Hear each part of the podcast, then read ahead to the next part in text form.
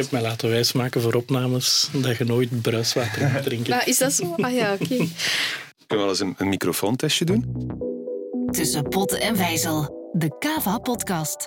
Boeiende gesprekken met en voor apothekers. Persoonlijk Ik denk politiek eigenlijk dat daar nog een beetje werk eh, nodig zou zijn. en actueel. Je hebt nu 26 landen in de wereld waar je als apotheker in een apotheek mag vaccineren. Tussen pot en vijzel. De Kava-podcast. Te beluisteren op Spotify en iTunes of via je favoriete podcastplatform. Beste luisteraar, van harte welkom voor de tweede aflevering van Tussen Pot en Vijzel. Vaccinaties, dat is het woord van dit jaar, dat weet je nu al sowieso. Er valt zoveel te vertellen dat we er twee podcasts aan besteden.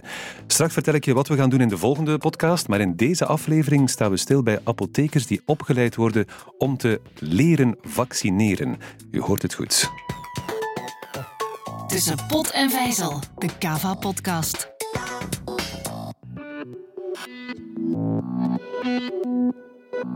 Even aan je voorstellen. Eh, Silas is als freelance apotheker binnen Meduca mee verantwoordelijk voor de verdere uitbouw van farmaceutische zorg in de apotheek. En hij maakt deel uit van de Vlaamse sectorwerkgroep rond vaccinatie. Welkom Silas. Dank u. En Lotte staat met beide voeten in de kanthoutse praktijk en behoort tot de eerste lichting apothekers die de opleiding volgden. Welkom Lotte. Welkom, dank en ik u. heb gehoord, Lotte, dat jij jouw man al gebruikt als proefkonijn. Ja, dat klopt. Hoe gaat dat in zijn werk? Ehm, ja, we hebben die, ik heb die opleiding gevolgd op Cava ehm, en dan hebben we getest eigenlijk op een, ehm, een stukje moesje huid. Ja? Maar ik denk dat het een beetje eng is om dat dan ook echt in de praktijk eerst eh, in zo'n vaccinatiecentrum te mogen toepassen. Dan pak je je man maar. Dan ga ik daarop oefenen, ja. en blijft er nog iets over van die geperforeerde man ondertussen? ja, hij, hij stelt het goed. Ja, hoe voelde het om voor de eerste keer een naald te zetten?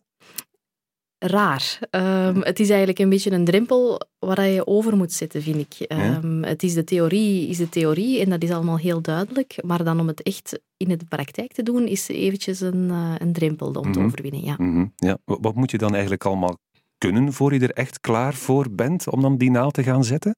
We hebben eerst een eh, webinar gevolgd met professor Van Dammen eigenlijk, vooraf aan de praktische opleiding. Ehm, en dan was er nog een cursus over vaccineren in het algemeen.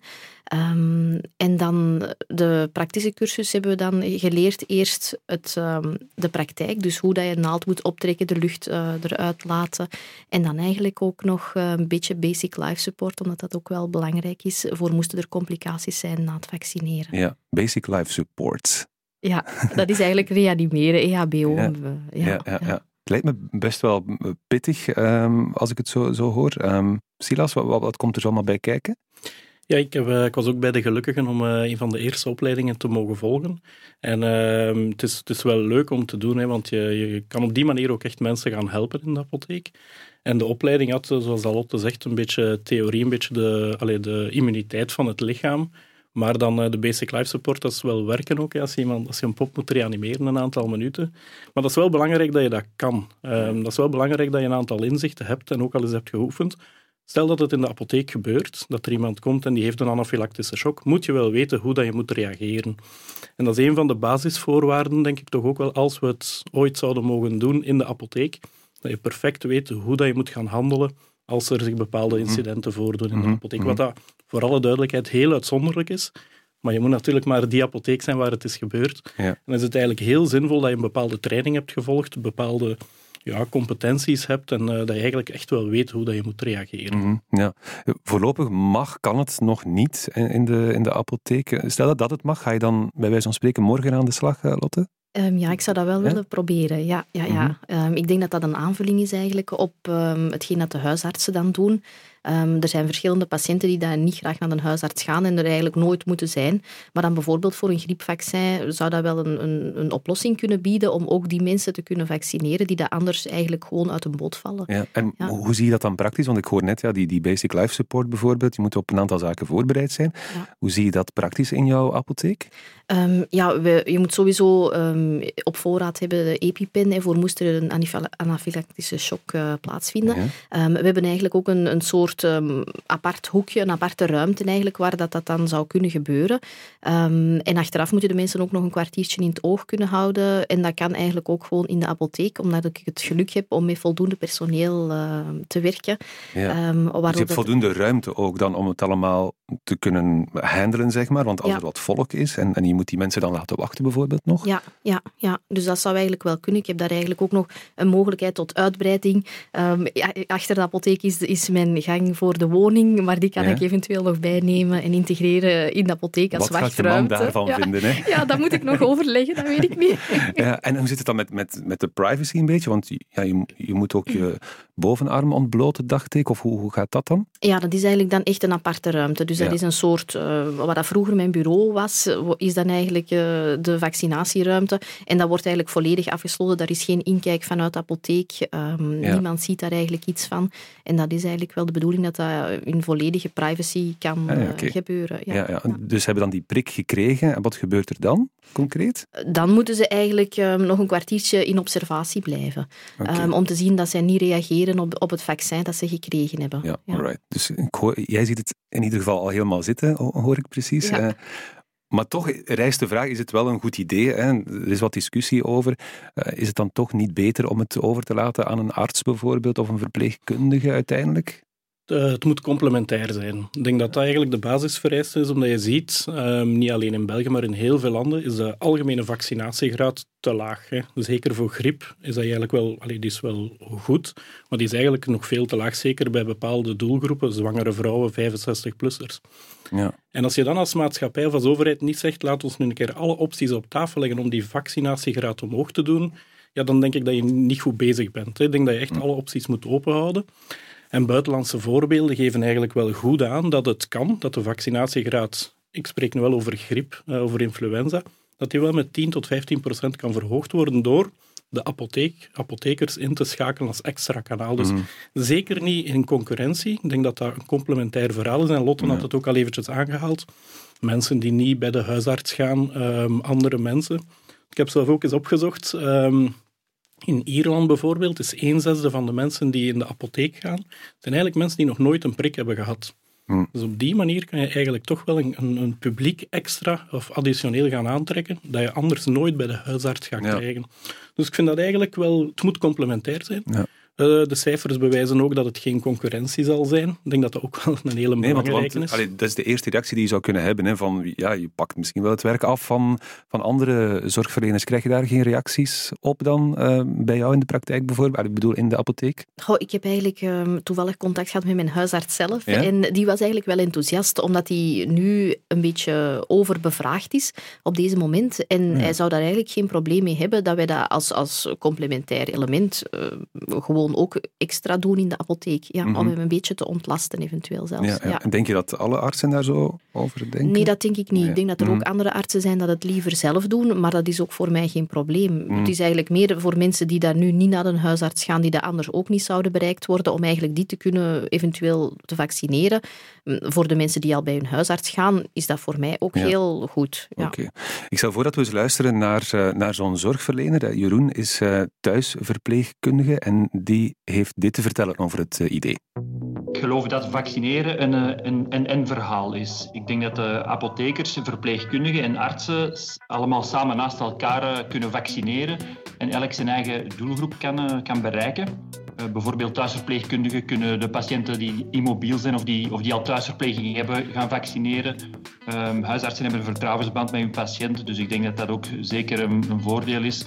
Maar voor andere mensen met weinig tijd of, eh, of jongere mensen denk ik dat het veel makkelijker is om eh, in de apotheek binnen te springen om hun vaccin te kunnen laten zetten. Ehm, ik geloof dat samenwerken hierin absoluut een noodzaak is. Ehm, ik denk dat, eh, dat apothekers met zijn goede opleiding en, ehm, van het vaccineren en, en de basic life support, dat zij zeker de vaccins kunnen zetten. Het engagement hierin vind ik heel belangrijk. Je moet de verantwoordelijkheid kunnen dragen en willen. Wij zijn allemaal geraakt door de corona. Dus ik vind het mooi dat we door een manier van samenwerken ook samen uit deze corona kunnen geraken. Ik denk dat dat een mooie boodschap is. Ja, Jeroen, hè, die, thuisverpleegkundige is en die dus vooral denkt dat het allemaal toch wat sneller kan gaan op die manier, die, die vaccinatie. Uh, wie denk jij dan sneller te kunnen bereiken uh, via je apotheek, Lotte? Ja, ook de jongere mensen eigenlijk, die de, anders niet naar een huisarts zouden gaan. En de drempel in de apotheek is eigenlijk heel laag. Dus, mm -hmm. um, dus ze durven eigenlijk heel veel vragen in de apotheek. En nu al krijg ik de vraag, dat was dan met de griepvaccins uh, van de herfst, um, of dat ik het niet ineens aan hen kon geven, want dan moesten ze toch niet nog langs een huisarts gaan. Dus er zijn wel mensen dat daar wel wat vertrouwen in hebben, precies, om dat dan door de apotheek te laten doen. En ook de, de heel gezonde 65-plussers die dat eigenlijk denken van ik heb geen risico, het maakt voor mij allemaal niet uit. Ja, En zien jullie die taak dan om te vaccineren als iets permanent, zelfs na COVID-19? Goh, ik, als ik voor ja? mezelf mag spreken, dan, dan denk ja. ik dat, dat daar wel een plaats voor is. Ja, um... ja ik vraag het omdat uh, vorige week hoorden we nog uh, dokter Dirk Scheveneels op Radio 1, uh, ondervoorzitter van de Belgische Vereniging van Artsensyndicaten. Um, die, die, die had het erover, en ik parafraseer hem even, hè, een, een zeer mooi initiatief, zegt hij, van de apothekers op dit moment. Als ze die cursus volgen en daardoor klaar zijn om bij te springen waar er handen tekort zijn, dan vind ik het een bijzonder goede zaak. Dus ik hoor hem ook wel een beetje zeggen, in coronatijden, mm. ça va wel. Uh, maar daarna, dat is misschien iets anders. Nu, na de pandemie blijft het virus waarschijnlijk aanwezig en zal je om de drie, vier jaar opnieuw de hele bevolking, of toch 70, 80 procent, moeten gaan vaccineren. En we mogen niet vergeten, we zitten nu in die hele COVID-pandemie, maar er zijn nog heel veel infectieuze ziektes dat je eigenlijk preventief met een vaccin kan gaan behandelen, of niet behandelen, mm. maar voorkomen. En er wordt nu enorm gefocust op die COVID. Um, even snelle berekening, willen we 10 miljoen Belgen vaccineren, maar twee zijn 20 miljoen spuitjes die moeten gezet worden. Dat is immens. Ja. Uh, ik hoop dat het gaat lukken met de huidige bestaffing. Hè, en ik denk dat we daar als maatschappij moeten proberen voor gaan. Maar je voelt wel al aan dat er ooit wel een keer een tekort zou kunnen zijn. En dan zou het goed zijn als je mensen hebt die zijn opgeleid. Volgens trouwens een, een aanbeveling ook van de Koninklijke Academie van de Geneeskunde. Ze hebben, dacht in 2019, een advies geschreven dat dat wel een meerwaarde zou kunnen hebben. Ja. Dat de apotheker vaccineert. Ze hebben daar ook een aantal aanbevelingen gedaan aan welke opleidingen, welke randvoorwaarden, in de private ruimte bijvoorbeeld.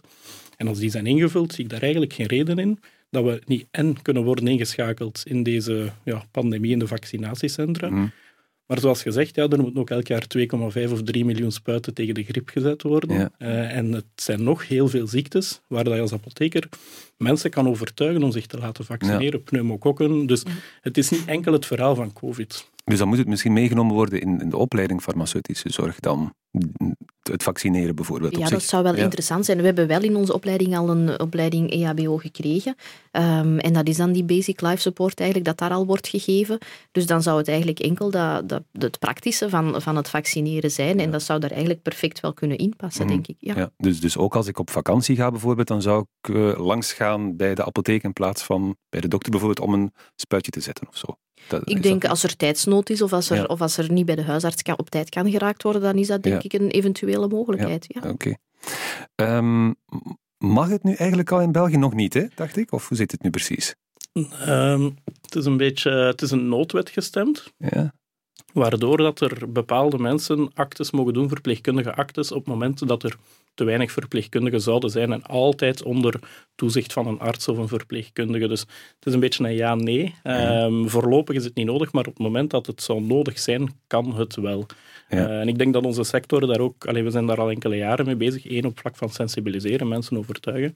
Maar ik denk dat er vanuit ook het Vlaams Apothekersnetwerk en, en APB eigenlijk al heel veel goede zaken, initiatieven zijn genomen om het allemaal voor te bereiden, hè, nog mm. voor de pandemie. Mm was onze sector daar al mee bezig om, om ja, ervoor te zorgen dat we juist die maatschappelijke rol kunnen invullen om een hogere vaccinatiegraad te krijgen. En ik denk dat dat toch wel het doel moet zijn van mensen te vaccineren. Mm -hmm. Wie moet er dan nog overtuigd worden?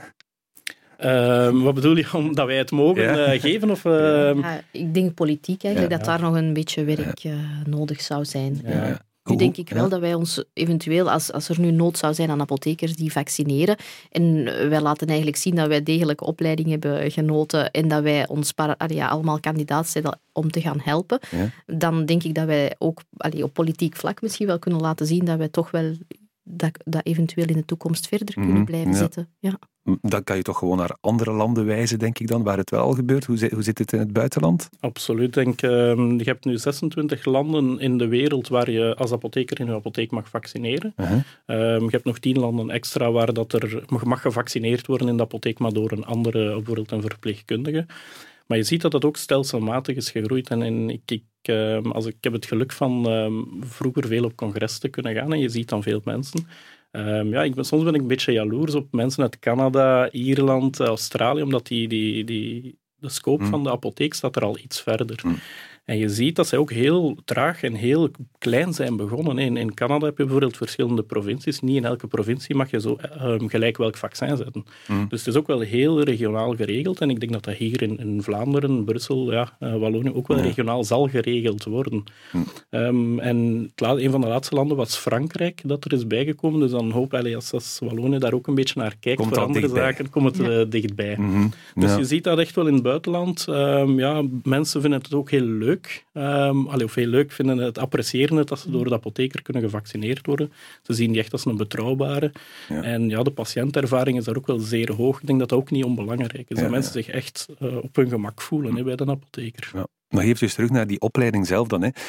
Um, de opleiders zelf, hoe denken zij erover? We hebben eventjes uh, ons oor te luisteren gelegd bij uh, Sabine, de arts die basic life support gaf aan apothekers als onderdeel van de opleiding vaccineren. Even horen wat uh, zij te vertellen heeft.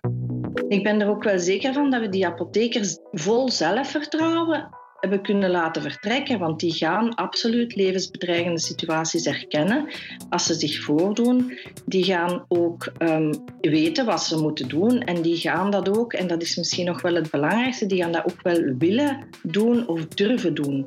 Want ik denk dat die training dat dat toch wel een van de belangrijkste factoren is in zo'n handelingsstellen, net zoals dat dat is voor uh, vaccineren. Want als ik daar denk, mijn oudste dochter die is in Zuid-Afrika geboren en het lokale kind en gezin, dat werd daar zo um, georganiseerd in een lokaaltje tussen een parafarmacie en een grote kinderwinkel. En daar was wel een arts, en er, maar er waren twee oudere dames die eigenlijk de vaccins toedienden.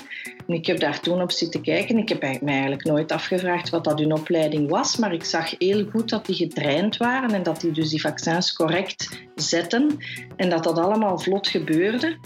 Dus ik denk dat opleiding en training ook ja, buiten bij BLS, bij vaccineren ook heel belangrijk is om ooit te kunnen deelnemen aan zo'n vaccinatiecampagne. En in dat opzicht is deze, deze opleiding daar echt een eerste stap naartoe. Ja, inclusief die basic life support, die toch wel best nuttig is. Ja, ik vind dat wel. Ik heb ja. eigenlijk um, vorig jaar met de volleybal dan iets meegemaakt. Um, was dan iemand dat op het veld een beroerte heeft gekregen van mijn medespelers. Okay. En ik was meegereden naar een, een sporthal in Niel. En ik wist, ik ben in de sporthal, maar ja, ik heb dan 112 gebeld. Uh, ja. Maar dan, dan werd de vraag gesteld, waar ben je? Ja. En, dat, en dat wist ik niet. Ik wist ja, in Niel in de sporthal, maar waar dat die sporthal is, dat was mij onduidelijk. En allee, dat heb ik dus nu met die, met die opfrissing eigenlijk wel geleerd. Dat het heel belangrijk is om altijd te weten, als je ergens naartoe gaat, waar dat je bent. Ja. En dat vind ik toch heel waardevol, dat, dat dat eigenlijk extra is meegegeven. Omdat ik daar toen wel wat minuten ben verloren. En ja. dat zou ik nu in de toekomst, als ik dat zou nog eens moeten meemaken, ik hoop het niet, um, wel anders naar handelen. En zou ik wel weten waar dat ik ben, in welke straat en welk uh, gebouw. Ja. Vanaf nu voel ik mij extra veilig als ik weet dat er een apotheker in de buurt is. Uh, Oké, okay. um, we zouden het bijna vergeten, maar misschien moeten we ook nog eens uh, luisteren naar de patiënten. Hè. Dat is eigenlijk het allerbelangrijkste, denk ik dan. Um, Gilles Beire is, uh, is een patiënt en dit is zijn verhaal. Ja, waar ik mijn vaccin krijg, mijn spuit krijg, maakt me eigenlijk niet veel uit. Uh, wat voor mij belangrijk is, dat is uh, de bereikbaarheid van waar ik dat vaccin moet gaan halen. Uh, ik vind dat die vaccinatiecentra die nu hier en daar opgericht worden, bij, bij ons bijvoorbeeld in Beven, is dat 4, 5 kilometer van waar we wonen. Dan moet ik op een of andere manier daar zien te geraken. Voor mij lukt dat nog wel, maar ik denk dat dat voor oudere personen al een heel probleem kan zijn. Bij een dokter, als ik een afspraak met mijn dokter wil maken, dan zegt hij ja, misschien heb ik volgende week nog een raadje. Dus dat lijkt mij ook niet zo evident. Bij een apotheker, wel, dat is vrij dicht bij, bij iedereen eigenlijk, want op elke gemeente is er één of, of meerdere apotheken. Wel, ik maak een afspraak met die brave meneer of die mevrouw. Ik ga daar naartoe, een paar honderd meter, en het is opgelost. Dat lijkt voor mij toch wel evident. Een afspraak met die brave meneer of mevrouw. Voel je je aangesproken? Ja, een beetje. ja, ja, ja. ja dit is dus inderdaad de, de patiënt die we horen. Ik, ik zag jullie de hele tijd knikken tijdens zijn verhaal. Ja, ik vind ook wel, ehm, bij ons het, uh, het vaccinatiecentrum is op het militaire domein uh, van Braschaat, um, in een landelijk gebied eigenlijk. Dus de mensen die van Essen moeten komen, die zijn 20 kilometer dat ze zich moeten verplaatsen. Er is nu nog geen busdienst, dat zou allemaal worden voorzien. Maar voor die mensen is dat eigenlijk allemaal niet evident om daar naartoe te gaan. Mm ja. Mm ja. En wat als die vaccinatiecentra binnenkort sluiten, wat dan? dan is er nog extra werk voor jullie allicht. Voor de hele maatschappij, om, om die mensen toch nog te overtuigen om, om zich een, binnen een aantal jaar opnieuw te laten vaccineren. Um, en de focus ligt nu inderdaad heel terecht op die, op die centra, maar inderdaad, zoals je aangeeft, op een gegeven moment gaan die ook moeten sluiten. Ja. En dan ga je wel naar creatieve oplossingen moeten vinden. Dat juist voor die mensen die minder mobiel zijn, nu worden er, zullen er mobiele uh, vaccinatieteams worden ingezet die tot bij de patiënt kunnen gaan. Mhm. Dat is nu allemaal, dat zal in, in deze tijd is dat wel logisch dat je dat doet. Mhm. Maar ik geloof daar niet in dat ze dat gaan blijven continueren, want dat kost ook zeer veel geld. Uh, en ik denk dat dat ook een aspect is dat nog misschien te weinig aan bod is gekomen dat je dat ook misschien op een iets goedkopere manier kan gaan organiseren via de apotheek. Mhm. En ik denk dat dat ook iets is waar de politiek toch oren moet naar hebben. Uh, maar Gilbert vat het eigenlijk heel goed samen, hè, daarom dat we zoveel zaten te knikken. Mhm. Hij geeft heel veel punten aan, waardoor dat je ook wel een aantal argumenten pro-apotheek kan, uh, kan gaan verzinnen. Ja, Oké. Mooi uh, om hiermee af te ronden, denk ik, met, uh, met wat we gehoord hebben uh, van Gilbert. En een bruggetje meteen naar onze volgende podcast, hè, want die gaat over COVID-vaccinatie. dankjewel, um, Lotte en Silas, om hier te zijn. Graag gedaan. Graag gedaan. Tussen pot en wijzel, de Kava-podcast. Volgende keer... De rol van farmaceutisch expert in een vaccinatiecentrum. Dit was Tussen pot en vijzel. Heb je vragen, suggesties of opmerkingen? Stuur ze naar podcast.kava.be. En vond je deze podcast boeiend? Deel hem dan met anderen. Tussen pot en vijzel, de Kava-podcast. Te beluisteren op Spotify en iTunes of via je favoriete podcastplatform.